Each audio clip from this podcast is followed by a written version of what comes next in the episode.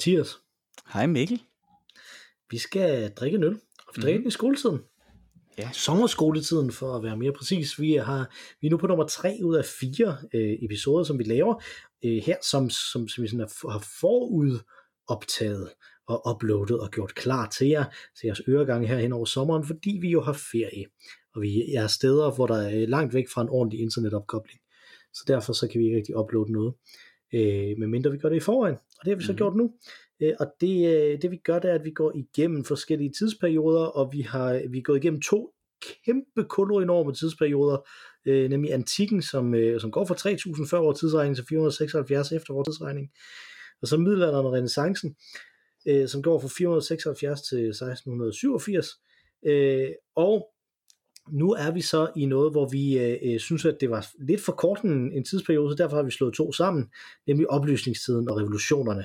Så det er 1687, hvor øh, Newton udgiver sin bog om øh, fysik, Principia Mathematica, øh, og så frem til 1848, som er øh, afslutningen, når man så må sige, på øh, revolutionerne, de, øh, mm. de store revolutioner. Og øh, vi er jo eurocentriske i det her. Øh, det er vi blandt andet, fordi at, at vi, det er det, vi ved mest om, så, øh, så der lyder vi øh, mindst fjollet og idiotiske, når vi snakker om det, som om vi ved helt vildt meget. Øh, men øh, også fordi, at vi jo øh, her følger opdelingen fra idehistoriestudiet fra dengang, hvor jeg gik på det, hvor man havde fire semestres filosofihistorie, som var delt op øh, omtrent på denne her måde. Øh, og øh, den var meget eurocentrisk dengang. Øh, vi gør dog op med nogle af de ting, som der var dengang i undervisningen, også fordi vi faktisk øh, typisk taler ret meget om kvindesyn mm. øh, her, men vores øh, kerneområder, vores sådan, hvad skal man sige, ryggrad i det, er øh, politik og historie, og så krydder vi det jo selvfølgelig med noget teater, det er det, du ved noget om. Det er, det, det, det, det, er jo det eneste, jeg ved noget om, så, så det skal der krydres med. Ja. ja, det synes jeg. Det vil være, det vil være fjollet ikke at udnytte, at du har en kapacitet ja. på området. Ja, det er det. Øh, og så snakker vi noget filosofi øh, også. Øh, mit, mit sådan øh, øh, normale fagområde, øh, computerspil, har vi ikke rigtig haft anledning til at snakke så meget om endnu. Øh, endnu? Men, øh, men øh, i næste afsnit bliver de opfundet, så måske. Øh, så prøver vi nogle gange at komme ind på lidt kunst generelt, øh, og på øh, noget religion også, som jo øh, begge dele er noget, som vi begge to har en interesse i, og jeg har øh, også en, øh, en uddannelse i, inden for religion. Så, øh, så, så der kan vi typisk snakke lidt om det øh, også. Så jeg vil sige, faktisk min uddannelse i religionsvidenskab efterlod mig lidt på herrens mark sidste gang, fordi at, øh, at religionsvidenskab jo typisk ikke er særlig interesseret i katolicisme var det i hvert fald ikke dengang. Jeg det er jo det, ja. Øh, ja. Og, og i må væk så fyldte katolicismen ret meget i middelalderen og renaissancen. det fylder måske mindre nu, kan man ja, sige. nu har vi øh, nemlig oplysningstiden og øh, revolutionerne, men vi har også en øl, øh, og øh, netop fordi, at det her det er også sådan en lidt en rowdy periode, hvor der er nogen, der, er, der gør noget oprør, og nogen, som der slås med, så har vi en irsk øl. Mm. Irish IPA fra The Crafty Brewing Company.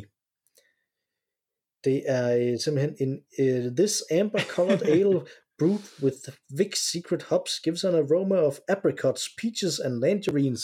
Meget revolutionært. Which mm. is balanced by a sweet malt flavor. Det var mere oplysning. Uh, with a well-rounded mouthfeel, it is a perfect contender for any occasion.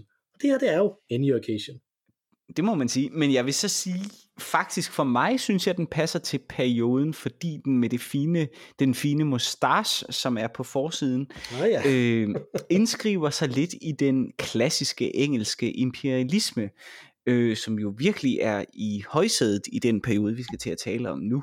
Øh, hvorfor også, at A Noble India Pale Ale, Fruity and Hobby, som der står på, passer vældig godt øh, til perioden, tænker det jeg. Den. Mm. Det gør den. Det er i den her periode, at den britiske monark bliver kejserinde af, af Indien. Så. Ja. I, i øh, sidste del af den her periode. Skal vi åbne øh, flasken ja, her? lad os det. Lad os det. Uh, ja. Den dufter ja, uh, meget, hva'? Den, er, den dufter meget, og meget bittert. Også. Det påstår den også, den er. Vi får prøvet nogle øh, IPA'er her i det her øh, i den her programserie, synes jeg, og, og nogle af dem er altså virkelig til den øh, frugtige, bitre side. Ja, det er jo fordi, jeg er så vild med, med, med, med, med IP'er, altså. Så. Nå, og fordi ja. du er en så bitter mand. De to Nå, ting nej, det var, nej, det var det. det. Det har vi jo snakket om tidligere. Det er, det er ikke sådan, det hænger sammen. Nå. Ja, det, er, det er primært, at, øh, at jeg er bitter nok. Ja, ja så du behøver ja. ikke mere. Nå, anyway, øh, den smager godt, den her skum. Skal vi smage på druen også? Yes, skål. Mm. Ej, det kan mærkes helt ned i knæene, det her. Han er glimrende. Det er virkelig en god IPA. Det er en god IPA. Det virker. Alt er godt. Det er jo, det er jo sjældent, at vi drikker øh, to øl, altså sådan på, på hen. Nu var faktisk, jeg tror faktisk hele sommerskolen, så vidt jeg husker, den første øl, vi drak, øh, var også vældig god. Den kunne jeg godt Mhm. lide. Så vi har faktisk drukket tre øl nu, som egentlig ikke er dårlige. Nej, tre øl i træk, som vi godt kan lide. Det er lang tid siden, vi har gjort det. Det- Det er det. Mm. Oplysningstiden. Det er en svær tid, synes jeg faktisk, at, at komme med sådan en, øh, en sammenhængende øh, politisk øh, historie omkring, fordi at den er så bundet op på filosofer, og den er så bundet op på nogle tænkere, øh, Mm. langt hen ad vejen, at det er det, man, man, man mener, når man siger oplysningstiden. Så er det tænkere, som øh, de franske øh, tænkere, som der har noget med det at gøre, som er øh, sådan nogle som Voltaire, øh, Mm. og sådan nogle som Rousseau, øh, mm. og Montesquieu, øh, og sådan Mhm. mm. ikke? Altså, og hvis vi lige hurtigt kort skal øh, sige noget om det, så Voltaire, han er sådan, hvad skal vi sige, en slags... Diderot. Ja, Diderot også. Øh, Voltaire er sådan en slags øh, proto-Sartre, vel, altså, at øh, frihed er ekstremt vigtigt øh, for ham, ikke? Altså, Mm. øh, og, øh, og at, at, at altså, man, man fejlciterer typisk øh, øh, ham for at have sagt, at han vil kæmpe til, til sin død, øh, for at andre folk de, øh, øh, de får lov til at mene det, som de mener, så man ikke er enig i det. Øh, det er faktisk en, der har skrevet en bog om ham, der har, der har formuleret hans standpunkt sådan. øh, men, øh, men rask væk citerer man Voltaire for det. Øh, Ja. Og det er jo et sympatisk standpunkt. et ganske sympatisk standpunkt.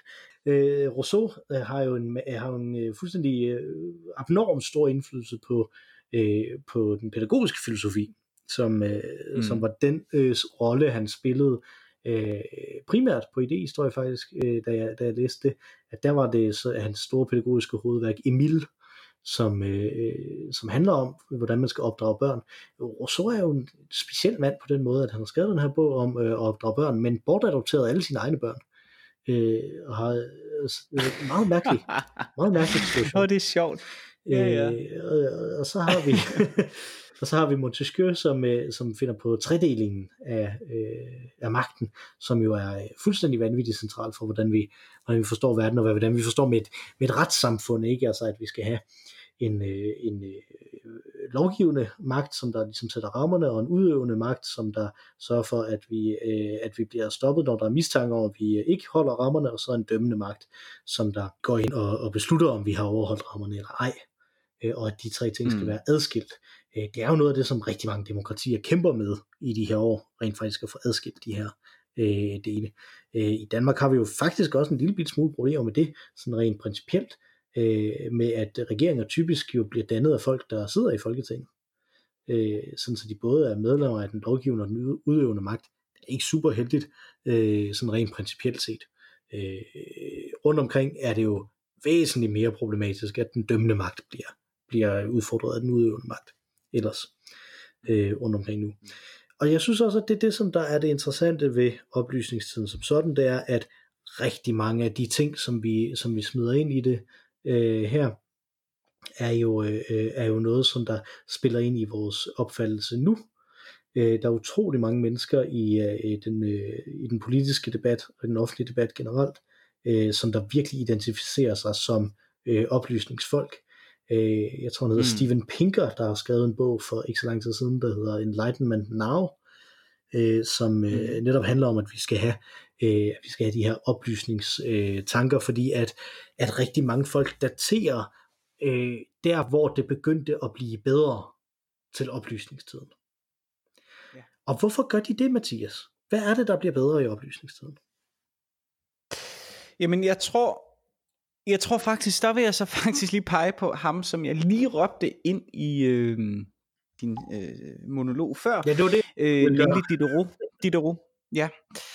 Øh, fordi, altså, øh, det er rigtigt, at øh, der er de her store franske tænkere, øh, Montesquieu, Rousseau, Voltaire, men mange af deres øh, mange af deres tanker i virkeligheden, mange af deres øh, Øh, meget af deres viden bliver udbredt på grund af Diderot, som jo har gang i et øh, encyklopædi, øh, encyklopædiprojekt, øh, som udkommer i Frankrig. Og det synes jeg peger på en ting, som er radikalt anderledes, som vi ikke har set i middelalderen og i renaissancen, og som er noget af det, som er forudsætningen for et velfungerende demokrati, nemlig adgang til bred viden for den brede del af befolkningen. Altså simpelthen folkeoplysning. Mm. Øh, det er vel det, som demokratiet på det her tidspunkt øh, virkelig lægger an til, at folket ved mere, end en monark for eksempel gør. Altså mange hjerner ved mere end en hjerne. Det kræver selvfølgelig, at alle de hjerner, der er mange, er dannet, øh, og derfor går der så et dannelsesprogram i gang, som de her franske filosofer øh, jo forsøger at, at udbrede og, øh, og gøre til noget, øh, som ikke er meget ulig måske. Øh, en tanke, som kommer sådan 150 år senere i virkeligheden øh, i, i Tyskland, øh, Frankfurter-skolens idé om kritisk stillingtagen. Altså hvor det sådan set er et bredt oplysningsprogram, øh, man udlægger, men at der bagved er en klar politisk agenda, som øh, for, for de tyske filosofer jo var en eller anden form for øh, socialistisk øh, kommunisme eller noget den stil, og for øh, Denis Diderot og øh, Voltaire og de andre franske gutter selvfølgelig var, øh, at man skulle afskaffe øh, monarkiet og, og, og have øh, indføre republikken. Øh, de var jo republikanere alle sammen.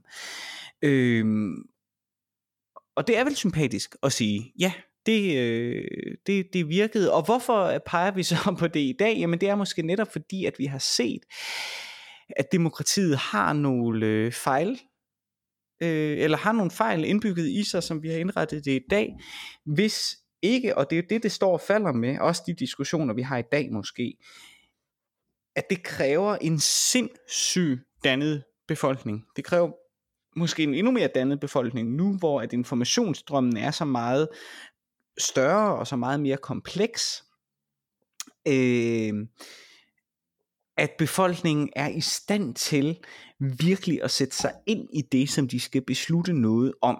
Øh, det må være forudsætningen for demokratiet. Øh, så derfor er folkeoplysning øh, vigtig, og det er vel også derfor, det er blevet øh, hele øh, overskriften for denne her periode øh, historisk set, at det er en oplysningsperiode. jo, lige præcis. Øh, altså, øh, slagordet er, øh, er latin, og det er sapere aude, øh, og det betyder øh, tør at være vidne, tør at vide ting. Det, det er svært at oversætte mm. Øh, latin rigtigt, men det, men det, det er og man, det, det, som der er pointen her, og det er jo lige præcis også derfor, at der er rigtig mange, som der vender sig øh, mod det øh, nu, fordi at en af de store sådan, ting, som vi har i vores, øh, i vores samtid, er jo øh, diskussionen om sandhed, og hvad der er sandt, og hvad der er falsk, mm. og, øh, og hvad vi kan tro på, og hvad vi ikke kan tro på. Øh, og typisk så er mm. det jo øh, er det jo netop folk, som der, som der klynger sig til oplysningstiden, mener jo, at, øh, at det, som, det, som de, det som alle de ting, som de fremfører, er ting, der er fakta. Og hvis vi bare lyttede til fakta, mm. hvis vi bare turde at vide ting, så vil der ikke være et, øh, et problem i, i verden, så vil vi gøre mm. øh, de rigtige ting øh, også, og vi har gjort det. Mm. Øh, det er også værd at nævne, at det er jo omtrent her, at vi begynder at grundlægge noget, der ligner den øh, videnskabelige metode, apropos det her med at turde mm. vide. øh, at, at vi har sådan en, en iterativ videnskabelig metode. Det er jo derfor, vi starter det øh, med det årstal, som vi, øh, som vi startede det med, og med øh, Isaac Newton, fordi at, at det jo er der, vi ligesom grundlægger ideen om, at, at den måde, vi får viden på, det er ved at udkaste nogle øh, hypoteser, og så efterprøve dem med empirisk med forskellige øh, målinger, øh, og, øh, og så langsomt iterere og forbedre vores teorier og vores hypoteser. Øh, og langt hen ad vejen er det jo også det, som det handler om, når folk de peger på på arven fra oplysningstiden som noget, som noget væsentligt og stort, at det er den her videnskabelige metode, som jo, øh, hvis vi har snakket rigtig meget i de to øh, tidligere afsnit om, hvor arver Vesten mange af sine idéer fra. Øh, og det her mm. er måske en af de øh, få virkelig unikke idéer, der er opstået i, øh, i Vesten. øh, altså, den her videnskabelige metode. Men det er jo en skidegod idé. Det er en skidegod idé. Øh, på alle det må man jo sige. Det er en Jeg tror også, det er der, den ligger, at Mm. den har øh, skabt resultater øh, ude i virkeligheden, som er meget svært at pege på, øh, på andre øh, idéer, der har skabt de samme, den samme mængde af resultater. Jeg har næsten lyst til at foregribe begivenhedens gang og springe, øh, og springe hen til slutningen af den her per- periode og pege på Karl Marx, som jo er en af de store filosofer Mm. fra, den her, per- fra den her periode. Det kan man fuldstændig ikke komme udenom. Han, jeg vil sige, han skriver, han, han, jeg, jeg er nødt til lige at sige, fordi nu har du sat perioden til 1848, ikke? Det er der, han udgiver det kommunistiske ja. manifest, så han, det, er- det er lige med øh, ryven i Det- vandskorpen, vil jeg sige, at han sniger sig ind i den her periode. Men, men øh, fair nok. Jeg ved ikke, om det var derfor, du havde sat øh, 1848. Det, det, ja, det, det var også med til det. Altså det, at det passede, det passede meget godt. Øh, her, Okay. men, men, men han har jo det her, øh, det her fantastiske diktum, at filosoferne har længe nok overvejet, hvordan verden er. Nu skal de ud og forandre den. Øh, og at, Mm. det er jo også der, vi, vi kommer ind i det, at det er i den her periode, at øh, de forskellige videnskaber begynder at dele sig op. Det kommer først, når vi kommer op til 1800-tallet, mm. sådan Mhm. rent formelt.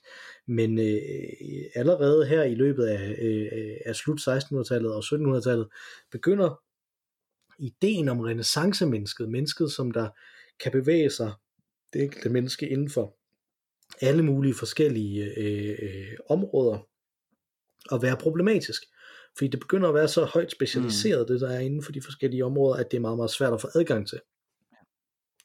Øh, og det har noget at gøre med nogle af de landvindinger, som man, øh, som man gør, gør sig inden for øh, matematikken specielt, fordi at det øh, laver et nyt sprog og et nyt fagsprog, som det er meget svært at, øh, at komme ind i udefra.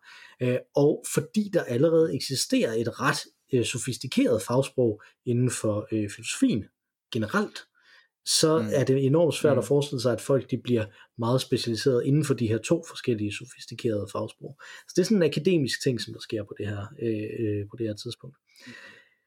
De to andre gange, der har vi haft det her kæmpe store historiske vy. Det er lidt svært for mig at, øh, øh, at give det her, fordi jeg faktisk ikke rigtig har ordentligt øh, styr på, på, hvad der sker det meste af den her periode. Men en ting, som det i hvert fald er rigtig vigtigt at, øh, øh, at have fat i her, det er, øh, at det er her Mm. kolonialismen, som jo begyndte tidligere. Øh, det, du havde det på din top 5. Ja, jeg, jeg havde jo på min top 5 øh, sidste gang, øh, 1492 øh, jo var et, et skældsættende år. Øh, der var sikkert allerede anslag til det tidligere, det, det ved jeg faktisk ikke. Øh, men lurer mig, om der ikke har været også mod vest tidligere. Øh, men det er i hvert fald i, i begyndelsen af, eller i, i slutningen af øh, det 15. århundrede, at øh, det virkelig eksploderer. Vi har øh, jo øh, nogle et spansk et spansk øh, kongerige, som virkelig er begyndt at, øh, at, at, at så stå stærkt igen efter at øh, at muslimerne har har forladt Sydspanien. Øh, derudover har vi jo også et et stadig stærkere øh, England. Øh, vi har øh, renaissancen har jo gjort hollænderne godt, må man sige. De har tjent godt på tulipaner. Det fik vi ikke nævnt øh, sidste gang, tror jeg, men men det har de jo. Man glemmer altid tulipanerne. Man glemmer altid tulipanerne, men de har det simpelthen så godt i denne her periode, og begynder jo også at regne, øh, rejse ud i verden øh, på det her tidspunkt, så vidt jeg husker. Øh, der er øh, disse, dem vi i dag kender som Benelux-landene, øh, mere eller mindre et bredt nederlandsk øh, samsurium. Øh, jeg tror ikke, det er som sådan øh, Holland og, og Belgien. Øh, jeg tror, det lapper lidt mere ind over hinanden på en kompliceret måde. Men ja, i hvert fald... noget af det er noget fransk, og noget af det er noget tysk. Noget og af sådan det, noget, altså, lige præcis. Øh, og, øh, men de rejser i hvert fald ud i verden øh, og besætter ting. Og i slutningen af denne her periode er Danmark jo heller ikke selv øh, for fin til at, øh, at rejse ud øh, og, og, og se, øh, hvad der er ude omkring i verden. Og man må sige, øh, det er jo gået både på, på godt og ondt. Altså, der er mange fantastiske ting, vi får ud af det. Darwins teorier kunne vi ikke have fået uden øh, adgang i hvert fald til det empiriske materiale. Øh, og spørgsmålet er, om Darwin kunne have fået det, hvis øh, det ikke havde været for øh, det britiske imperie. Nu er det vist dig, der Øh. foregriber en tænker, er det ikke? Er det ikke i 1856, tror jeg? Jo, jo. Men øh, jeg mener bare øh, imperialismen, altså øh, øh, ko- kolo, kolonialismen, øh, medførte også øh, nogle positive udviklinger. Og han var jo et bare en forlængelse af, af empirismen generelt. Men øh, Men øh, helt overvejende er kolonialismen en negativ ting jo. Altså, det, Absolut. Det er en, det er en øh, periode, hvor det er fuldstændig umuligt at holde øje med, hvor mange mennesker, der er døde på grund af de ting, der er blevet gjort, fordi at der simpelthen bare ikke blev ført optegnelser ordentligt med, øh, med hvad det, hvem det gik ud over, fordi at europæerne i løbet af den her periode i den grad udvikler en, øh, en idé om, at de er meget mere værd end alle andre. Øh, og det tror jeg også er noget, som man skal have med som en, øh, som en del af den her øh, ting, at vi har, vi har oplysning, vi har modoplysningen også, som, øh, altså som er den konservative strømning, der, der, øh, der vil prøve at holde de, øh, de progressive nede, og til sammen så skaber de ligesom sådan en, en, en der er, der er nogen, som da- daterer sådan moderne racisme simpelthen til, at det bliver opfundet her. Det kan man diskutere frem og tilbage i lang tid, om, om det gør her. Altså, øh, det, det er i hvert fald det er i hvert fald muligt at læse Aristoteles på en måde, hvor, øh, hvor han er meget racistisk. mm. så, øh, så også på en måde, som man vil kunne genkende som racisme i dag. men, så- men er så det, den, men, er det men, virkelig den er, ikke, er det i virkeligheden ikke bare en forlængelse af det aristoteliske kvindesyn? Altså, at, at det øh, er, et slags menneskesyn, at der er, der er øh, den europæiske mand, der er øh, mennesket på jorden, ikke? Øh, når, og, og måske gennem oplysningstiden, gennem renaissancen, bliver kvinden hævet lidt mere op, ikke? Men, men og så møder de så, så kommer de så til øh, Sydamerika øh, og møder nye mennesker. Ryger de så ikke bare tilbage i den samme gamle, øh, vi er mennesket, den europæiske mand er mennesket, og I er i virkeligheden mere øh, vilde end mennesker. Er, er, er det ikke bare fordi det har ligget så dybt forankret på Jo. grund af Aristoteles? Jo, nu siger Øh, du, nu siger du netop hans, øh, hans kvindesyn, men han har jo faktisk også et, øh, et syn på, at der er nogen, øh, at der er nogen folk, som der er født til at være slaver, øh, simpelthen. Og så er det sådan set Mm. okay, de er det. Øh, man skal øh, altså for ham jo ikke, altså det, Jo, for det er jo en funktion jo. Ja, og, man skal, og, man- og hvis, hvis hele ens økonomi er placeret på slaver, så skal man også have en eller anden ideologi om, om at det er okay jo. Øh, og, det, Mm. og det er det, som der så også bliver udviklet igen her. Fordi at, øh, at slaveriet har aldrig været væk i Europa, men har slet ikke været centralt i Europa øh, i løbet af, øh, af middelalderen og renaissancen, øh, på samme måde som, Mm. mm. som det var i antikken, øh, og som det jo så bliver igen nu her, fordi det er jo også en del af, af, af kolonialismen, det er den her, øh, specielt den afrikanske og atlantiske øh, slavehandel. Øh, hvor, hvor jeg jo husker fra, øh, fra min gamle øh, historiebog, tilbage, øh, som, som hedder øh, historiebogen, som er den her 70'er tegneserie, som er, som er trygt Nå, ja, på ja, sådan ja. en, øh, øh, som er trykt på sådan et, øh, sådan, ligesom de her DR3 og mørk billeder, ikke? Altså så, øh, som sådan nogle træsnit nærmest virkende, øh, øh, hvor, der, hvor, hvor de viser den her trekant imellem de forskellige øh, steder, hvor man sejler øh, Afrika, England, USA, for ligesom at, at køre den her øh, øh, den her slavehandel. Jeg tror faktisk, det er Afrika og USA, fordi der sejler man folk over Atlanten, øh, og, øh, og alle dem, som der overlever, dem, øh, de bliver så slaver derovre i USA, og så sejler man så med de øh, varer, som de slaver, som man allerede har leveret derover til, har lavet dem, sejler man så tilbage til England, de får arbejde, øh, og så øh, tager man så ned til øh, Afrika igen, nu lastet med øh, flere småsten, eller hvad man nu skal sige, så man kan købe de her øh, slaver for øh, nede i, i Afrika. Det er jo en fuldstændig barbarisk og øh, øh inhuman øh, ting, som jo uanset hvordan man vender og drejer det, er noget, som hele den her øh, tankegang, som vi snakker om med øh, oplysningstiden, bliver nødt til at, øh, øh, at forholde sig til, når man skriver om den, og når man taler om den, at mm. vi på den ene side har den her mm. mennesket skal ture og vide, at mennesket er vigtigt, øh, og vi har med nogle af de revolutioner, som vi kommer til lidt senere, der har vi nogle af de første formuleringer af noget, der ligner menneskerettigheder, så man samtidig en, en ekstrem undertrykkelse af, øh, øh, af rigtig, rigtig mange mennesker, og, øh, og kolonialismen betyder, at vi i den grad kan udvide den undertrykkelse og globalisere den for første gang. Ikke? Altså, øh, så på mange måder mm. meget af den frihed, som vi køber os til øh, herhjemme, kommer ved, at vi øh, er herhjemme i Vesteuropa, kommer ved, at vi undertrykker andre steder i verden. Og det er værd mm. øh, øh, at have med, ikke? Altså at, øh, at ja, der er rigtig mange gode ting, der sker for os, men de sker så også, fordi at der sker nogle frygtelige mm. ting for andre mennesker, og det er os, der gør det ved dem. Øh, og med os, det mener jeg jo ikke mm. dig og mig, men også som kultur. øh, selvfølgelig. Ja. Øh, så, så tag det med, med det grænsat, ikke? Altså. Jo, tak. Ja. Så gammel er jeg jo slet ikke. Nej, det er men... kun mig, der er gammel her. Men ja. Du er, en ung fyr ja, mand i din bedste men, øh, Det er jo det. Men det er, det er jo øh, det er virkelig, virkelig vanvittigt. Øh, og det sjove er, at det kommer jo det kommer fra de selv samme lande. Jeg, jeg ved ikke særlig meget om spansk filosofi, og jeg ved ikke, hvor meget oplysnings øh, filosofi, der har været i Spanien på det tidspunkt. Men Frankrig gør sig selv til en stor slavenation. Øh, og det mm. samme gør England. Det er virkelig underligt, øh, at man kan have de her strømninger samtidig. Men måske er det også fordi, at der er en op... Altså, måske er det ikke samme strømning. Altså, måske er meget af...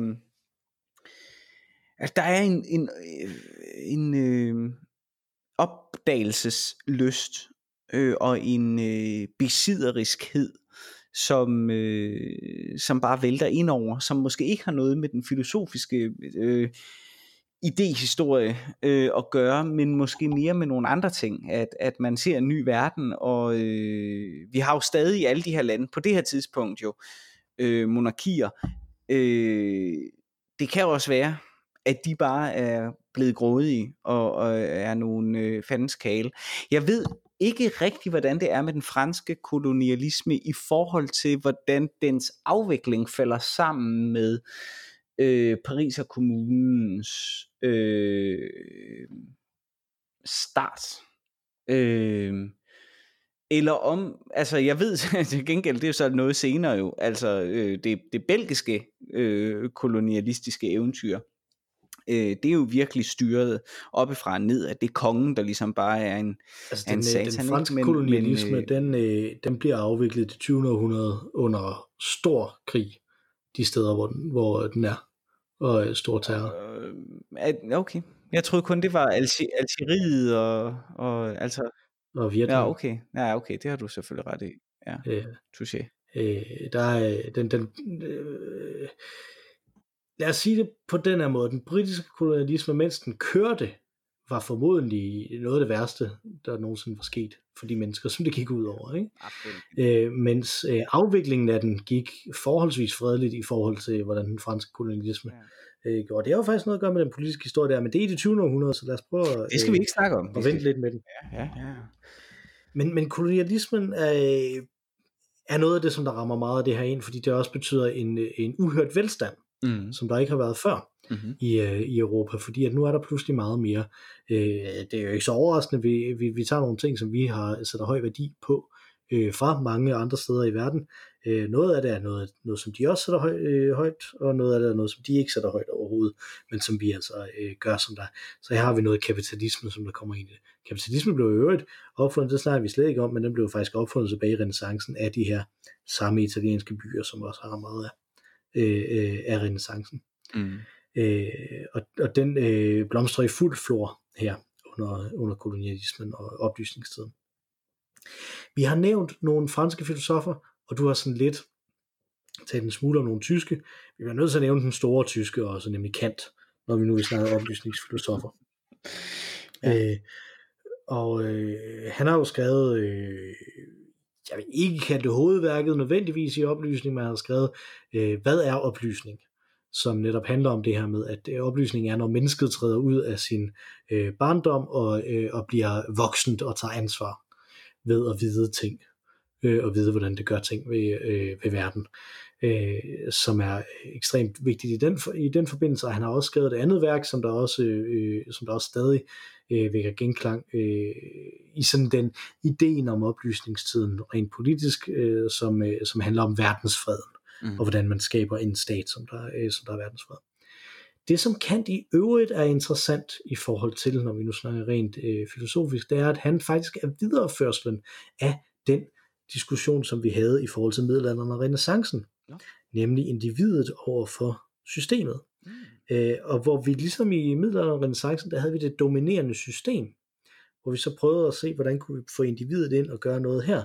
Mm. Så øh, står øh, Kant jo øh, på den anden side, fordi han udover renaissancen, så har han også læst den øh, oplysningstænker, der hedder Hume, fra den skotske oplysning, David Hume, mm. som er en øh, radikal skepticist, som der ikke, øh, som der, øh, hans, hans øh, clue, om man så må sige, er øh, et, øh, hvis, jeg, hvis jeg står med et billiardbord, øh, og jeg så øh, skyder den ene bold hen øh, og rammer den, øh, den anden bold, hvordan kan jeg så vide, at det er fordi den ene bold rammer den anden bold, at den bevæger sig? Vil den ikke bare gøre det af sig selv? Hvordan kan jeg vide det? Og, og det, er så, det er sådan hans clue-billede, ikke? Altså, øh, på samme måde, jeg, jeg nævnte Descartes i min top 5 liste, som jo hans clue-billede, det er, kan, øh, kan jeg vide, at jeg ikke bliver, øh, øh at jeg ikke bliver øh, narret til at tro, at alting er virkelig der er en eller anden djævel. Mm. Ikke? Så, og så er Hume der clue-billede. Øh, og det ansporer simpelthen Kant til at, øh, at forsøge at øh, at få en, øh, en sammenhæng til at, øh, at, at komme igen mellem de her store systemer, den her metafysik, som, øh, som bliver den, øh, den, hvad skal vi sige, postkirkelige idé. Ikke? Altså metafysikken er et gammelt aristotelisk begreb øh, for, for ting, som der, som der bestemmer den fysiske verden, men ikke er af den fysiske verden. Mm. Øh, men det bliver så ligesom det, som når vi nu ikke længere kan tage for givet, at Gud eksisterer, og at der er hele den her øh, himmelske orden, som øh, for eksempel Aquinas brugte lang tid på at udfolde øh, filosofisk, og Dante brugte lang tid på at udfolde øh, poetisk. Mm. Så øh, hvis vi ikke kan tage det for givet, øh, hvordan passer individet og det her system så øh, over for sig, øh, over for hinanden, ikke? Altså, øh, og det, det er jo det, Kant ser meget tydeligt, at hvis man tager den her idé om, at man skal være fri, som der jo ligger meget i oplysningstiden, øh, bare fuldstændig sådan ud, at så kommer der anarki. Og Kant er en relativt konservativ tænker på rigtig mange måder, øh, så derfor så vil han øh, helst ikke have det. Så det han, øh, han, han konstruerer en filosofi, som der øh, nu springer en masse mellemregning over, ikke? Men, men som der øh, ender med at sige, at den øh, mest øh, den største frihed er frivilligt at gøre sin pligt. Grundlæggende set. Mm. Øh, og han har det kategoriske imperativ, som bliver sådan øh, kernen i en bestemt måde at opfatte øh, moral og etik på, øh, som er, at man, at man aldrig skal handle på en måde, hvor man ikke kunne, kunne ønske, at alle andre skulle handle på den måde også. Mm. Som, altså at man ikke kan, øh, hans formulering er, at man, ikke, at man skal kunne ophøje alt til en generel maxime. Øh, det er derfor, at, at ud fra sådan en kantiansk øh, logik, moral, moralsk logik, så, kan man, så må man aldrig lyve, for eksempel. Fordi at hvis vi havde et samfund, hvor det var okay at lyve, så kunne vi ikke have et samfund. Ja.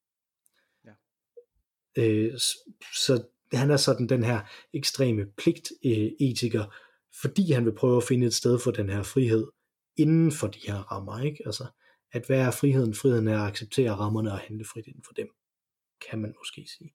Mm. I denne her periode, Mikkel, oplevede man også øh, blandt i filosofien, oplevede man der også et særligt fokus på øh, empirisk kiggen ud af øh, for at forstå filosofien. Øh, for det ved jeg, det gjorde man nemlig inden for dramaturgien. Det var ret interessant, men det kan jeg vende tilbage til. Øh, men, men gjorde man det også øh, inden for filosofien? For uden de franske filosofer selvfølgelig. Altså var der nogen, der ligesom... Øh, var det meget øh, deskriptiv filosofi, der blev ført på det her tidspunkt? Det synes jeg godt, man kan sige, fordi at, at nu, nu efterlod vi Hume lige før ved, ved det her med, at, at det er svært at sige en kausal sammenhæng. Mm. Hvad gør man så med det, når yeah. man nu er filosof, og man vil skrive bøger? Ikke? Øh, jamen det man gør, det er, at man, at man netop øh, kaster sig ud i at, øh, at beskrive det hele mm. i stedet for. Og det er også derfor, at man faktisk sjældent, nu kaldte jeg ham skepticist før, og det, og det synes jeg, at det giver mening i et filosofi-historisk sammenhæng, fordi det typisk har været hans effekt på folk. Mm. De bliver konfronteret med, med, med det og læser det som skepticisme, men han øh, er retteligt kategoriseret som en empiricist. Okay. Altså, at det, at det er det, at man, at man kigger på, på de her ting. Og hvis vi skal tage den anden store moralfilosofiske udvikling, som der er i den her, øh, i, i den her tid, øh, så er det jo øh, øh, utilitarismen, mm. som, der, øh, som dukker op på det her tidspunkt. Så hvis vi har Kant på den ene side, som siger, at der er nogle ting, som man skal, og man har en pligt, man skal overholde nogle rammer, man skal acceptere, så har vi utilitarismen, som mener, øh, og det er sådan nogle som Bentham og øh, Adam Smith, som er, øh, som er sådan kapita- den ene af de store teoretikere omkring, hvordan kapitalismen fungerer, det er Adam Smith, og den anden er, er Karl Marx. Mm. Øh, men øh, øh, så har den her idé om, at nej, det handler ikke om, at vi har pligt til at gøre noget. Det handler om, at vi altid skal maksimere udbyttet for øh, så mange som muligt. Altså, at det, det handler om, det er altid, at så mange som muligt skal have så meget som muligt glæde af noget. Mm. Så er det moralsk. Mm. Og det vil jeg jo mene er en empirisk tilgang til det. Fordi det fordrer jo, at man så kan ligesom måle, hvor glade er folk, og man objektivt kan ligesom øh, øh, komme frem til en idé om det her, ikke? Altså, at, øh, mm. At man empirisk kan afgøre, om noget er rigtigt eller, øh, eller forkert, øh, i stedet for, at det har noget at gøre med, som hos Kant, en vilje og en viljesakt, ikke? Altså, at man beslutter sig for de her ting, de er rigtige eller forkerte. Så. Det er jo det, som jo langt senere kom til at hedde cost-benefit-analyse. Mm. Helt sikkert, der er rigtig meget af det her igen. Det, det, det er en, øh, en tid, der virkelig spiller ind i, i, i vores tid, ja. Absolut, absolut. Du, men du siger noget om empiri og, øh, og teater. Skal vi ikke lige høre lidt om det, inden vi snakker om de store revolutioner? Jo, øh, jo, og ganske kort vil jeg da lige sige, bare sådan øh, kunsthistoriemæssigt, eller i hvert fald litterær historiemæssigt, øh, som du sagde, du nævnte lige Dante før, så fik jeg jo til at tænke, øh, fik, det fik mig til at tænke på, at i denne her periode, der, der kommer Dantes modsvar jo så, kan man sige, eller videreudviklingen. Hvis Dante var stod på skuldrene af, af Vigil, øh, så øh, stod Milton, som skriver ind i denne her periode, har jo skrevet Paradise Lost, står virkelig på skuldrene af, af Dante, øh, som måske er det sidste store, store episke øh, værk indtil T.S. Eliot skriver øh, The Wasteland, måske, i virkeligheden. Det tør jeg godt sige. Det har jeg hermed sagt. øhm. Det lyder som et bold claim, som jeg desværre ikke øh, føler mig kvalificeret til helt at køre op på. fedt, fedt, fedt, fedt. Øh, men det er i hvert fald et stort episk digt i, i, i, i Dante, Vergil, Homer øh, stilen. Øh, Øh, men det var ikke så meget det, jeg vil sige. Der er jo selvfølgelig også en, en, en, en sensitivitet i denne her periode, som kommer langt senere. Der er vi over i sådan noget tysk, øh, tidlig tysk romantik. Øh, og det er i den tyske skole, at det ligesom vil øh, fange an. Udover at Dennis Diderot, som jeg nævnte før i forbindelse med øh, encyklopædierne, øh, faktisk også var øh, gevaldigt teaterinteresseret øh, og stod på skuldrene af Molière så, øh, så opstår der simpelthen en teatervidenskab i Tyskland. Og det opstår ved, at, øh, at øh, den gode tyske øh, filosof Lessing, kender du ham? Gotthold Efram. Ja, det gør jeg, for du har nævnt ham tidligere. Ja. Øh, hvor jeg tror, Som det var Doris Lessing. Nej, det er ikke Doris Lessing. Nej, nej. Det er det nemlig det, er, ikke. det, er en, det er simpelthen en tysk øh, oplysningsfilosof. Øh, øh, han bliver ansat øh, i midt 1700-tallet på et, øh, på øh, et teater i Hamburg øh, som dramaturg. Og øh, han skriver så øh, nogle, nogle essays hen over en, en overrække, øh, som han udgiver, som hedder øh, Hamburgische, nej, Hamburg, Hamburgische øh, dramaturgi, altså den hamburgske øh, dramaturgi, øh, hvor i han ligesom beskriver, hvordan han synes, øh, teateret skal være.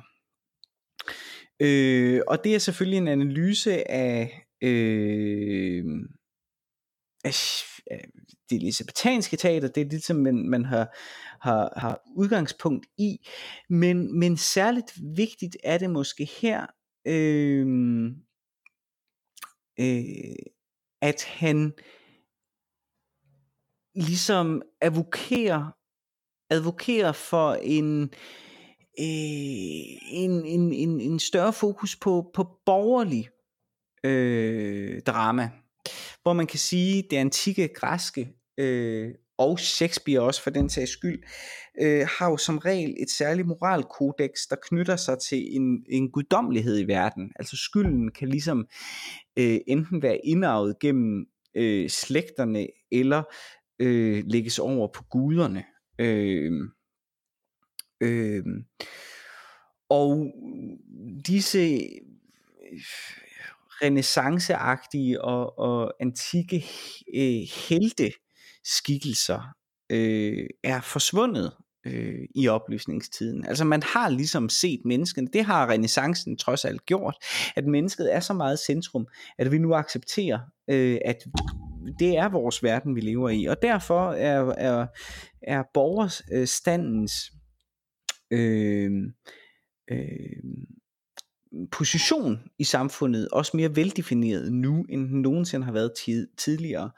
Og der spørger han egentlig ret jo åbenlyst, jamen lad os nu ikke bare så få det, som faktisk interesserer os på scenen.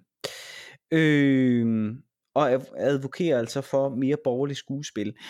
Øh, og det gør han blandt andet gennem nogle jagttagelser, som ikke er meget ulige det, som vi vil se senere, nemlig lad os se på, hvad der er de reelle problemer i verden, og så øh, faktisk lave det til teater.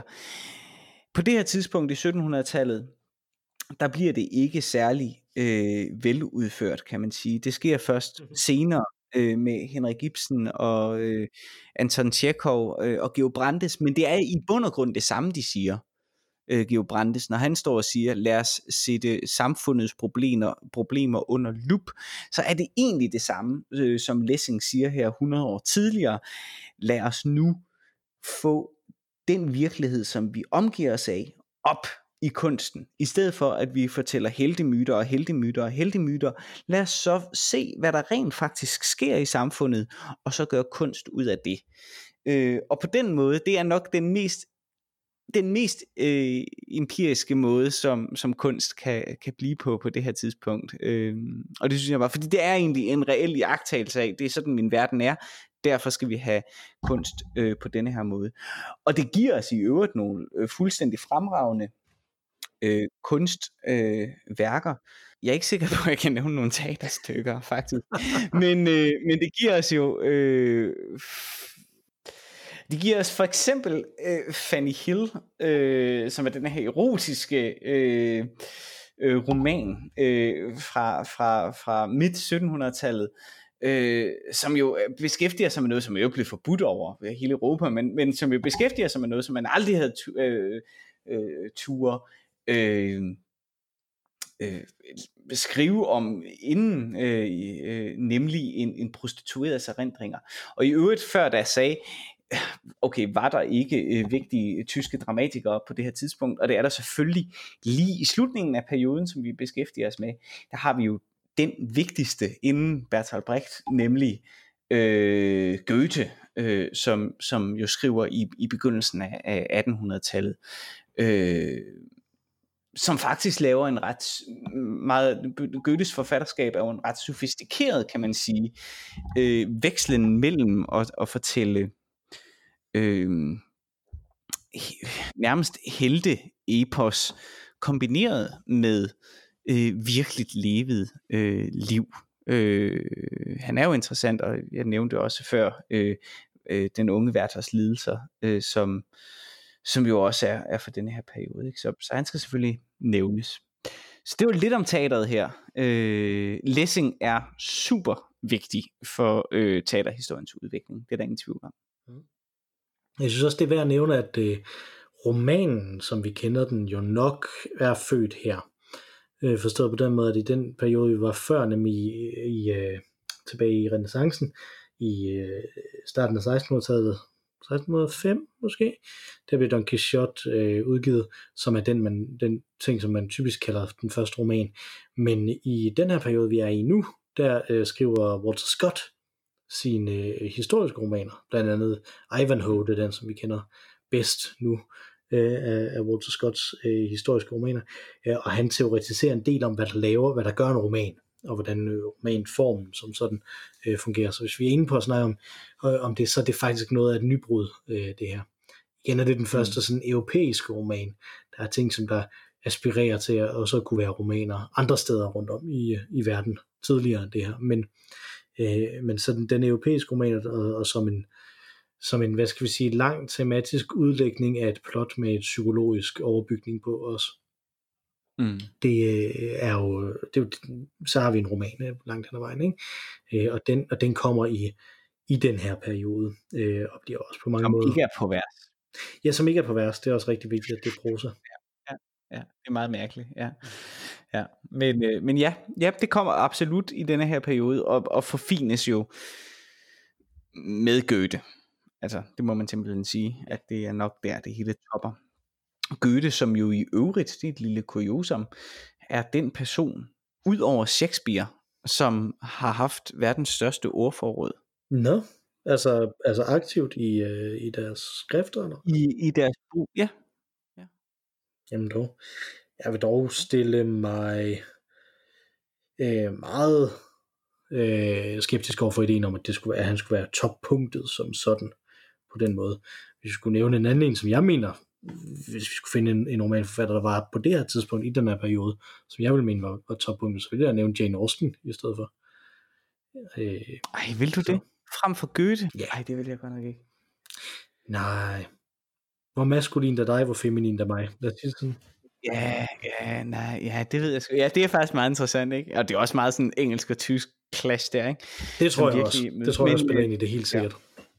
En anden ting, som man også kan tage med ind, det er, at øh, når vi nu er inde i kunstens verden, så skal vi godt nok både her i oplysningstiden, men også lidt længere frem, øh, bliver det virkelig perfekteret med neoklassicismen, øh, hvor, man, øh, hvor man jo har opdaget alle de her øh, jo i virkeligheden maltrakterede statuer fra øh, Rom og, og Grækenland, hvor øh, lemmer er faldet af, og al den maling, som der var på for at få dem til at se naturligt ud, er forsvundet også, nu er de hvide alle sammen. Øh, og mm. nu laver man så en masse, en masse statuer, som der ligner dem her, sådan som man har fået dem.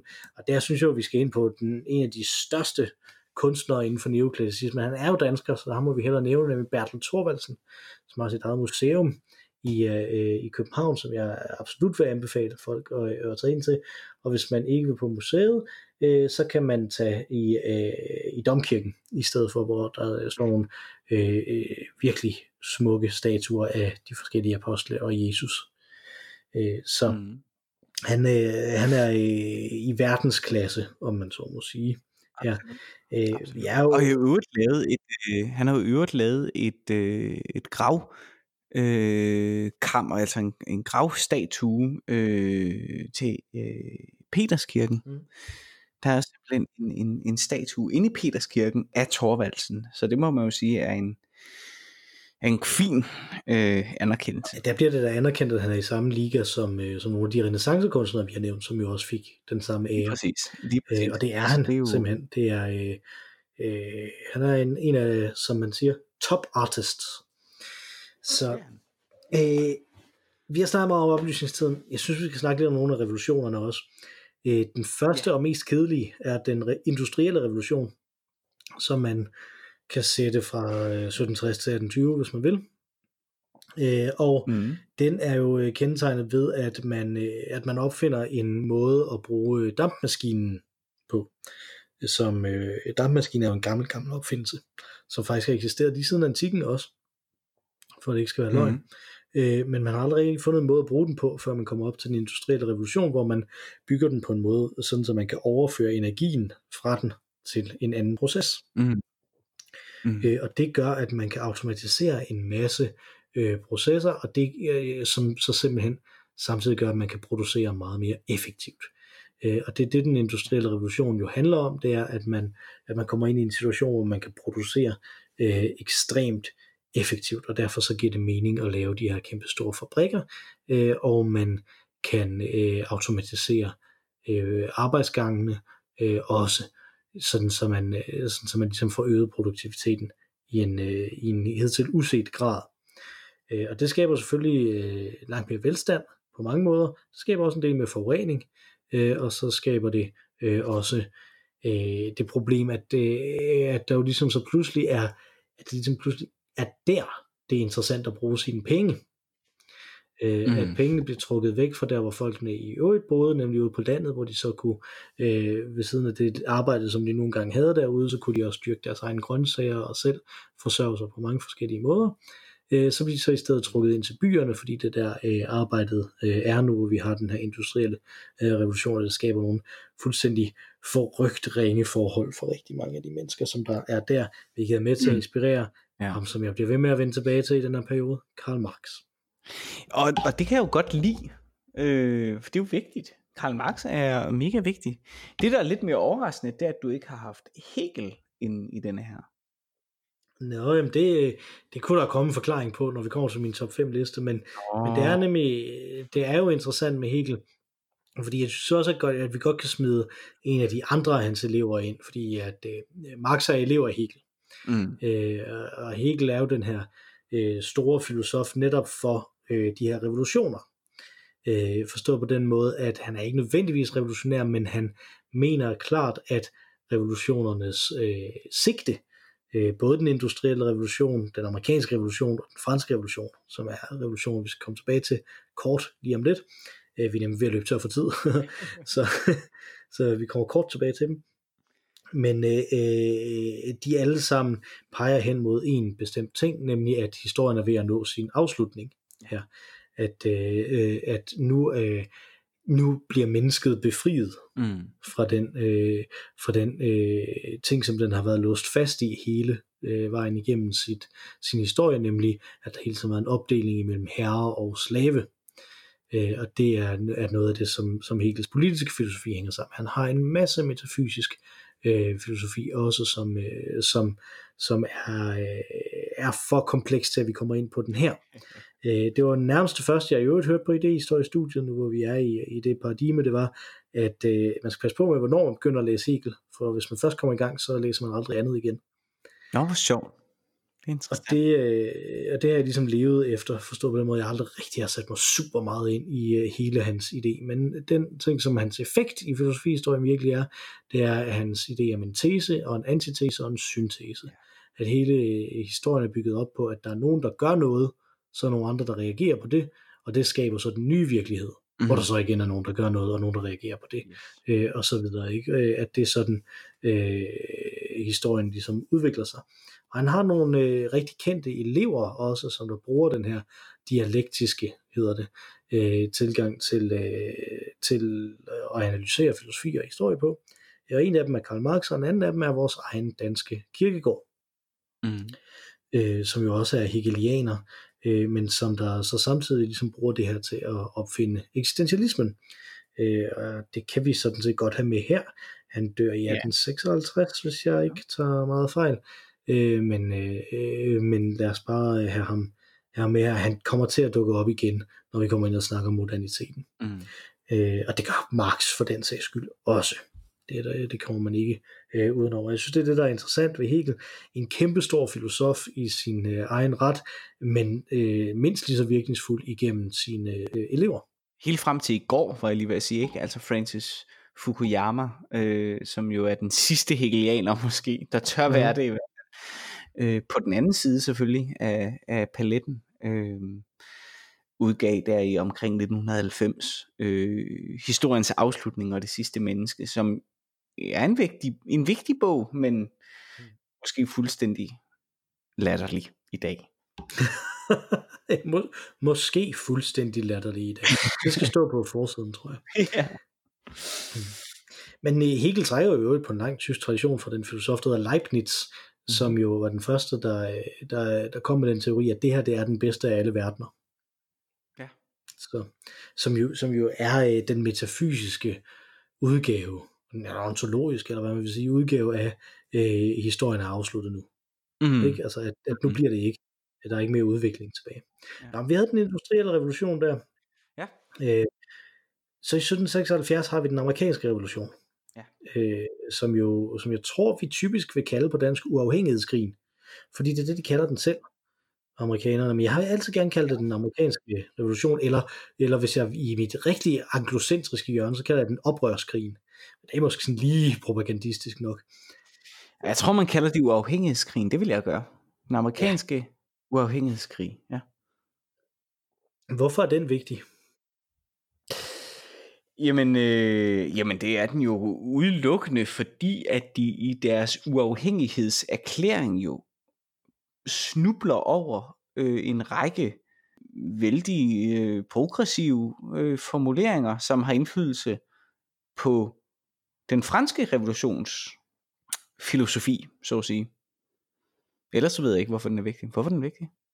Jamen, jeg synes, jeg synes jo, den er vigtig, fordi at det, det altså du, du siger, de snubler over de her ting, men det er jo meget med vilje, det de gør, ikke? Altså, ja, og de trækker, øh, nu har vi snakket enormt meget om renaissancen og den her genfødsel af, øh, af, den, af det sådan græske filosofi, ikke? Altså, øh, det snakker vi om i sidste, i sidste afsnit. Øh, men nu, nu er det jo faktisk den romerske politik, der bliver genfødt her, ikke? Altså, ja Øh, amerikansk politik ligner romersk politik helt vildt i den måde, den er øh, opbygget med øh, en masse checks and balances med forskellige øh, dele af, øh, af, af staten, som der spilles ud mod hinanden, på samme måde som vi så vi har en højesteret, som der, øh, som der øh, og, og en øh, kongres, som der er en tjek på en, øh, på en udøvende magt for præsidenten, øh, så kan man jo sige det samme i, i den romerske forfatning, hvor man altid har to konsuler, som er de øverste embedsmænd, ikke? Altså, ja. at, øh, at hele, hele tiden er der ting som, hvordan sikrer vi øh, nemmest, at mennesker ikke opfører sig skidt, det er ved at sætte andre mennesker ind, der har en interesse i, at de ikke skal opføre sig skidt.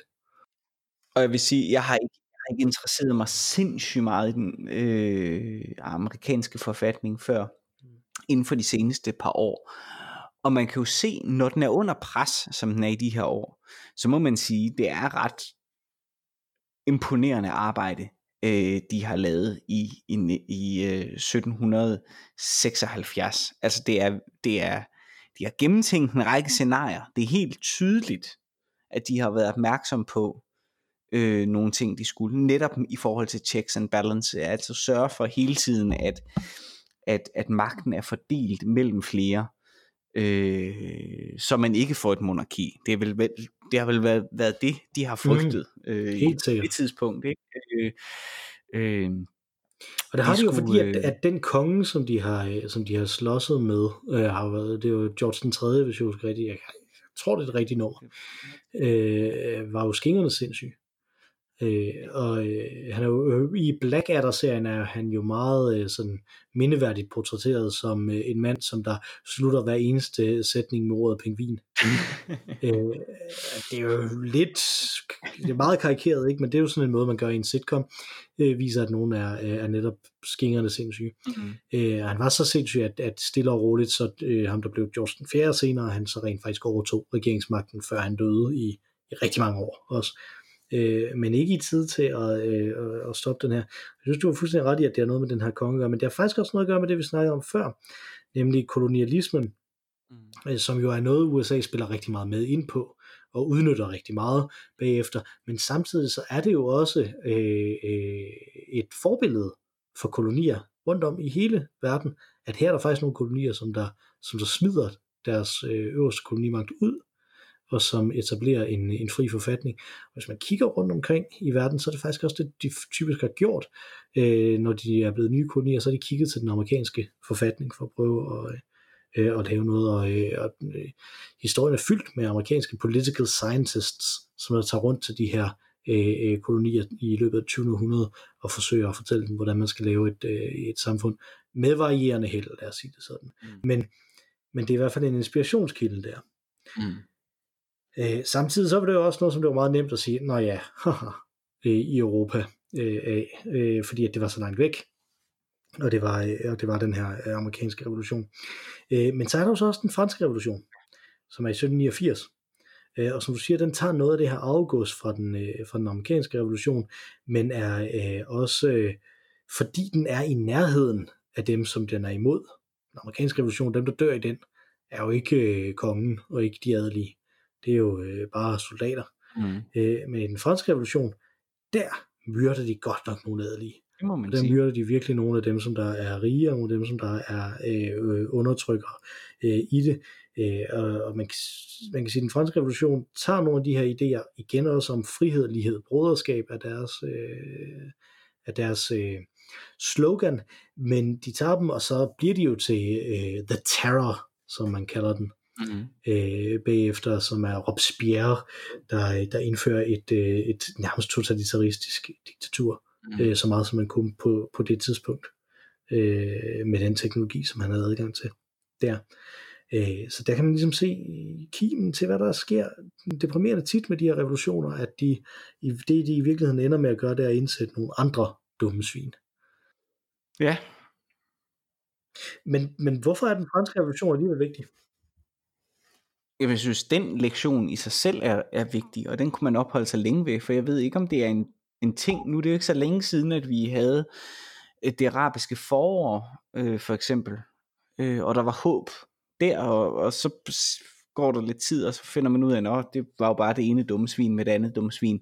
Og det ser man igen og igen og igen og igen. Og siden, øh, jeg lige ved at siden, øh, sige, siden 1900, øh, øh, 18, eller hvornår det var, har man jo sagt, at der har været en zar i, i Rusland. Ikke? Øh, måske er det bare menneskets natur, at man ikke kan gå direkte fra en blød ting til en, eller fra en hård ting til en blød ting. Jeg ved det ikke.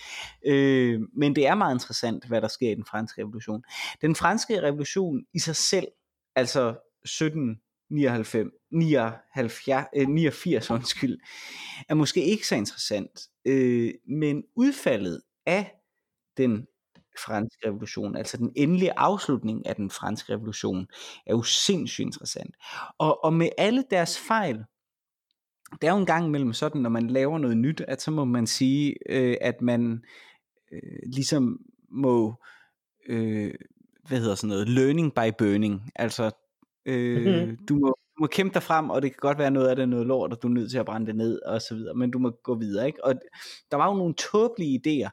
Øh, indførelse af metersystemet, ikke? Var ikke en af dem. Det var jo en fremragende idé. Øh, det havde en kæmpe betydning for, for resten af øh, verden i virkeligheden. Øh, der er jo en masse ting. Øh, humanisme, øh, socialisme øh, ligger i den franske revolution. Øh, altså, der var også nogle tåbelige der. Øh, et nyt kalendersystem for eksempel, det havde vi måske ikke brug for. Det er jo lige præcis det, jeg vil sige, fordi det er jo faktisk, nu du siger humanismen, så det er jo faktisk et af tegnene på humanismen, det er det nye øh, kalendersystem, som de laver, øh, som, ikke, øh, som ikke vil anerkende øh, øh kristendommen som en Ja, men som det siger jo så fra revolutionen jo, altså. Så. Ja, men det, det, det er jo der, hvor man, øh, hvor man så ligesom har taget, nu at den nye historie begyndt. Ja. ja. Øh, og jeg synes, det er, det er, man, det er man så må sige en ting, der også er interessant ved oplysningstiden og revolutionen det er, at historien bliver en levende ting på en måde, som den ikke har været før. Altså, mm. det her med, at, øh, at, at det at i talsætte noget som historisk er, øh, er interessant. øh, i sig selv. Mm. Så det er også interessant selvfølgelig med den, med den franske revolution, at den, at den jo ender i, at, øh, at der bliver etableret et kejserdømme bagefter. Øh, Ja. Efter at rigtig mange er blevet slået ihjel.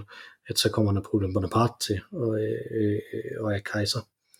Men det ligner jo den Øh, romerske historie, kan man sige. Ja, det kan man godt sige.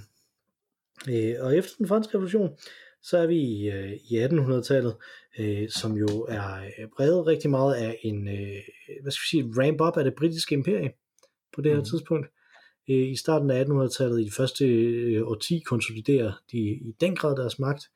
Øh, og, øh, øh, og det er også her, at Victoria kommer på tronen. Er det ikke? Jo, Så det er det. tidligt. Det er så tidligt, er det Jo, ikke? det er det. Det er det, vildt. Det, er det. Øh, det, er, det er i hvert fald inden for vores periode, at hun kommer på tronen. Øh, jeg må i øvrigt komme med en rettelse, fordi jeg har jo øh, gentagende gange over for dig, og jeg tror også, jeg kommer til at gøre det, mens mikrofonen har kørt, sagt, at vi jo går til 1848, fordi at det der Paris kommunen er, det er jo noget vrøvl. Fordi Paris kommunen er i virkeligheden i 1871. Nå, Øh, nå, nå, nå, nå, nå, men øh, jeg synes, vi holder fast ved 1848, fordi at der er en masse øh, øh, andre revolutioner øh, i, Fordi, i 1848. Men, og nu har jeg jo, læ- jeg har jo læst Marx, og jeg ved, Mhm. det er der, den udkommer første gang, og det er altså det kommunistiske manifest kommer. i Holland på engelsk, tysk, flamsk og dansk. Dansk en af de, det, det udkommer originalt på dansk sam, altså samme år. Det, det var, det var, ja, der må have været en meget stærk øh, dansk arbejderbevægelse dengang. Jeg synes, det er, øh, det er sgu sejt. Det er det. Men jeg tror generelt, at, at det gik, der gik et spøgelse hen over Europa, ikke? og det var det kommunistiske manifest, som kommer der i slutningen. Ja. Men jeg, og jeg tror også, at, at som du siger, det, man skal tage det som et som en reaktion på alle de tendenser, som vi ligesom har taget fat i her. Ikke? Altså, Det tror jeg, det er jo i den Øh. grad også noget med den øh, industrielle revolution at gøre, den, mm. den Mhm. franske revolution, altså absolut jo. Øh, ja, der er et, i tiden, altså det, det der er det interessante ved den franske revolution, kan man sige, er jo også, at den skræmmer adelen, ikke? Altså rundt omkring, at, og, og får dem til at slå endnu hårdere ned øh, på, øh, på, på de folk, som der er under dem, og kongemagten slår endnu hårdere ned på det. Så, Mm. så at der kommer en reaktion på det øh, bagefter, øh, som, som er den her fødsel af kommunisme, er jo ikke overraskende. Øh, og 1848 er jo kendt som revolutionsåret, altså. Øh, så det skal være det derfor, det står i min bevidsthed, ikke? Altså, at jeg så tænkte, at så måtte det jo også være der, der var den kommune, men det var det jo så ikke. Øhm, og øh, at, at, at det er, Danmark øh, vinder. der er, Preussen. hvad siger du? Danmark vinder over Preussen i 1800. Danmark vinder over Preussen i 1848. Øh, der er et kommunistiske manifest, der er revolutioner i Ungarn og Tyskland og alle mulige forskellige steder øh, i, øh, i, i 1848. Det er et, et actionår, om man så må sige. Så, øh, så det er stadig værd at, øh, øh, at slutte det der. Så, så, så hvad, skal vi, hvad skal vi sige? Altså politikken kører stadig op her i retningen af at, at være at være mere øh, at være mere imperialistisk, men der er også de her revolutionære øh, mod, øh, modpoler mm. til det. Mm. Apropos det, hvad med mm. kvinderne, Mathias? Hvordan har kvinderne det i det her? Det er faktisk et godt spørgsmål. Altså udover at vi, ja, vi jo ved, det har vi netop slået fast, at Victoria bliver øh, dronning i slutningen af perioden, så har jeg faktisk ingen fornemmelse af det overhovedet. Vi har jo den, Øh, øh, vi første, vi har den første klassiske feministiske filosof her, øh, som, der, som der i lang tid dukket op som den første sådan, feministiske filosof.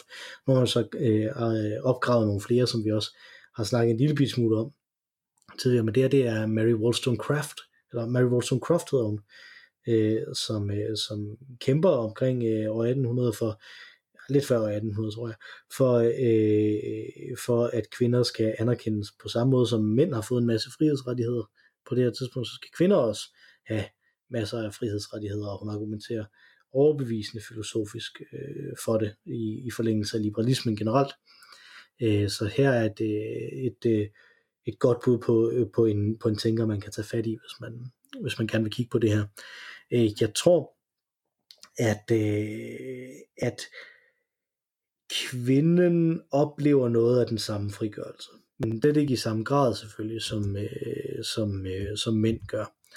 Øh, og jeg tror også, at hvis du kigger på øh, sådan en som Kant, som er den her store øh, frigør, så øh, jeg vil ikke kunne pege på det. Jeg er ret sikker på, at, at man kunne gøre det, hvis man kendte Kant lidt bedre, end jeg gør, pege på, noget, på rigtig meget sexisme i ham. Men han var jo øh, ugift og mente grundlæggende set, at kvinder var noget pjat, øh, som man ikke skulle, øh, som man ikke skulle øh, beskæftige sig med. Øh, så jeg, jeg, altså på den måde, Men vi er kvindelige forfattere på det her tidspunkt, og det, det synes jeg alligevel siger en del. Altså, øh, de bliver trygt. De har indflydelse. Altså, og, og nu ved jeg godt, at jeg sagde, haha, ja, ja, nej, øh, Goethe er en større forfatter. Men Jane Austen skal man øh, ikke kimse af. Det er øh, ikke lige min kop te måske, men det tror jeg mere har noget med tid at gøre. Altså hun har haft en kæmpe indflydelse i at portrættere øh, almindelige mennesker, og med almindelige mennesker taler vi naturligvis øh, øh, sådan en, en øh, minimum lavadel, men, men ellers... Ja, lige præcis. Altså, almindelig lavadel. Ja, en almindelig lavadel, som er alle mennesker nu bare, ikke? i Nordsjælland. Øh, I hvert fald alt det, det var værd at skrive men, om, Ja, det var det. men, men det gør hun ikke desto mindre, og, og mange af hendes øh, øh, skildringer er jo kvindeskildringer. Altså, det er det jo primært egentlig, tror jeg. Jeg ved faktisk ikke, om hun har en mandlig hovedperson på noget tidspunkt. Nej, det har hun ikke. Så, ja, det er øh, kvinden i samfundet, så, for, øh, og, og kvindens stilling ja. i samfundet, og hvordan øh, hun navigerer i det, som er, som er centralt. Det er en rigtig god pointe med det. Jeg tror faktisk, jeg, oh, jeg, tror faktisk, ja. jeg vil gå så langt som til at sige, at jeg har svært ved at se andre, hvor jeg vil, øh, hvor jeg vil give mig overhovedet i vores diskussion, end, end netop Goethe, du kunne pege på, som, øh, som, øh, som man kunne sige var bedre end hende. Øh, jeg er heller ikke enig, vel, men, men jeg kan se pointen altså fra den her tid. Der, jeg er enormt svært ved at se det, fordi hun er virkelig... Ja. Øh, og jeg tror, jeg hun tror når man har en, øh, en aversion imod hende, så er det fordi, man har set filmen, og man, og man har en fornemmelse af, hvad... Ja, jeg skulle også læse det. Ja, men indhold, jeg skulle også læse det. Ja, men, men det er bare så, det er så ja, det er levende sprog. Prøv lige, at, prøv lige at læse sproget. Prøv lige at læse Goethes sprog i forhold til hende. Okay, og jeg kan jo heller ikke læse tysk. Det er jo en af de store fejl i min uddannelse. Altså, jamen så er det jo rimeligt øh, for mig i virkeligheden jo at, at sammenligne dem. Men, øh, men, men, det, er, men det, er, det er vildt vigtigt. Det er vildt vigtigt, hun, hun, hun portrætterer de her kvindeskikkelser. Og det har vi ikke set før i engelsk litteratur. Jeg tror heller ikke, vi har set det i, øh, i meget anden litteratur. Jeg kan ikke lige komme i tanker om det. Den eneste, der er i nærheden af det i Danmark, er Thomasine Gyllenburg, og hende vil jeg tro, jeg vil tro, at hun er i hvert fald 50 år senere. Så. Så, så men, altså vi, vi kommer jo i en situation i løbet af den her tid, hvor, øh, hvor vi igen kommer, kommer til at have, at, at kvinder begynder at få nogle rettigheder. Kvinder kan eje nogle ting. Øh, typisk, øh, det, det er jo, det at kvinder kan eje nogle ting, hænger også sammen med, at, at, at det jo faktisk er i den her periode, vi opfinder den moderne idé om, om, øh, om ejendomsret som John Locke, der er en, der er en filosof, vi ikke har været inde på overhovedet, men som er ekstremt central mm. i politisk filosofi, som er for den her periode, han, øh, han teoretiserer omkring. Øh, og, og netop det, at vi har den private ejendomsret, så bliver det en ting, man kan give til de her øh, kvinder, og kan tillade dem at være, øh, at være med i. Men altså er det jo også det, det, det ulykkelige, at, at, at meget af kvinders frihed er jo defineret i forhold til mænd, øh, og om de kan blive skilt, om de mm. kan sådan nogle ting. Og det er relativt meget sværere på det her øh, tidspunkt også for, øh, også for kvinder, og specielt selvfølgelig i mange dele af verden, fordi der er katolicismen, der, øh, der ligesom øh, er ikke er specielt tilfreds mange steder i Europa med, øh, at man skulle kunne skilles eller få annulleret sit ægteskab, mm. som, det jo, som det jo hedder i, i, i den katolske kirke. Mm. Så, så der er ligesom den, øh, øh, den udfordring også, at, at kvinden på den måde ikke er fri, men altid er bundet til en mand, Øh, det er også noget af det, der bliver skildret i, i, i Orsten, ikke? Altså, øh, som i øvrigt, vi har, snakket, vi har snakket om Piketty tidligere, som er sådan en, som der, som der har kortlagt ulighed, øh, og en af hans kilder er jo faktisk nogle af de her Jane Austen romaner, mm. øh, hvor man kan læse enormt meget økonomi ud af, ja, det er, er syret også, fordi at hun netop er i den her empiri, empiricistiske tradition, som du, øh, som du påpeger. Øh, lad os sige det på den her måde, at øh, jeg tror, at kvinders lod lige så stille og roligt er blevet en lille bitte smule bedre i den her øh, tid, men de er stadig i den grad øh, B-mennesker i forhold til mændenes A-mennesker. Øh, altså de er, øh, de er ikke på samme niveau mm. i forhold til, hvordan kulturen kigger på dem, og i forhold til, hvordan politikken kigger på dem specielt. Men det ændrer sig heldigvis næste gang. Det ændrer sig heldigvis næste gang, fordi der har vi den store øh, modernitet, der, øh, der presser sig på. Det ændrer sig ikke lige med det samme, men det er øh, lidt på vej. Jeg tror faktisk også, at der er nogle tendenser i revolutionerne, som der peger i den øh, retning. Mm. Så der er i hvert fald i højere grad en hyldest til det kvindelige, som, øh, som bliver sat i centrum i, i for eksempel den franske revolution. Ikke? Så. Mm. Nå, jeg tror, det var det, vi kom øh, rundt om her. Det var ikke helt så slavisk historisk en gennemgang som, øh, som tidligere. Det var også meget kortere periode jo. Vi er vant til at skulle redegøre for 3-4.000 år øh, på meget Det er jo klart, at, at så bliver det lidt mere loose, når, når det kun er sådan 150 år, vi skal snakke om. Men også fordi det er oplysningstiden og revolutionerne, det er meget idébundet, hvorfor vi har den her periode. Ikke? Altså, det er derfor, det er blevet lidt mere idébundet, at, øh, at, at vi snakker om det her. Øh, og, og hvad er idéer? Idéer er, er muligheder for tanker, ikke? Altså det, og det er det, som der, som der ændrer sig her. Mm. Man kan tænke nogle ting efter den her periode, som man ikke kunne tænke før. Mm. Og det er øh, fascinerende at kigge på som idéhistoriker. Mm. Og som menneske, vil jeg jo mene. Øh, har du fået drukket en øl, Mathias? Næsten. Jeg har drukket min helt. Jeg er totalt fyldt med irsk IPA nu. Jeg er også Som man måske kan fornemme. mm-hmm. Den var også god. Jeg er, jeg er lidt rowdy, den var rigtig god. Den kan vi godt anbefale. Øh, nu tager vi vores top 5 liste. Det er min tur til at starte den her gang, og det er jo, øh, den her gang er det jo bare hurtigt igennem den, øh, uden alt for meget snak med hvert punkt, og det er opfordringer til noget, som man skal undersøge mere. Det kan være noget, vi ikke har talt om. Det kan faktisk også være noget, vi har talt om, og det er det i mange af mine tilfælde, Det er det også i mange. som vi bare ikke har nået at gøre, øh, gøre ordentlig retfærdighed. Fordi det kan man ikke rigtig i vores format her, så, øh, så læs noget mere om de her ting. Mm. Øhm, jeg tror faktisk, vi har talt om alle de ting, jeg vil, Nå, jeg vil ja. nævne, men jeg har kun fem. Øh, den første, det er kolonialismen, øh, og der er det hele perioden, selvfølgelig, det, det dækker over her, men de steder, man kunne dykke ned, det var øh, for eksempel de kanadiske krige i 1746-1763, som er sådan en øh, proxykrig i Indien mellem øh, øh, europæiske kolonimagter, som, som giver et godt indblik i, hvordan, hvordan det her rent faktisk har udspillet sig magtmæssigt. Øh, og så det britiske østindiske handelskompani Mm. omkring år 1800 og et par årtier frem. Mm. Det er omkring år 1809, de virkelig har konsolideret sig, men øh, hele perioden og hvordan de spiller sammen med den britiske monark er meget interessant, og hvordan de styrer kommunikationen med Indien. Øh, er der skrevet en del bøger om på det seneste. Nå, anyway, øh, nummer to, den industrielle revolution, 1760 til 1820. Mm. Øh, igen, der er meget at dykke ned i øh, her, alle mulige forskellige steder, så det vil jeg anbefale, man gør. Nummer tre, den amerikanske revolution, 1776. Et godt sted at begynde er at øh, lytte til soundtracket fra Hamilton.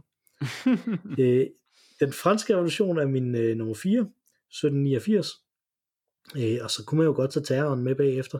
Jeg synes, det hører med til historien, at det jo altså, øh, det center ned i, øh, i, i vold også. Øh, at vi har den her idé om broderskab, frihed og lighed, som jo så åbenlyst ikke gælder for alle dem, som absolut ikke synes, at folk skulle være fri og lige Mm. tidligere. Altså Mm. undertrykkerne skal lige undertrykkes også, som er et, øh, en kedelig tendens i revolutioner, men så er det jo.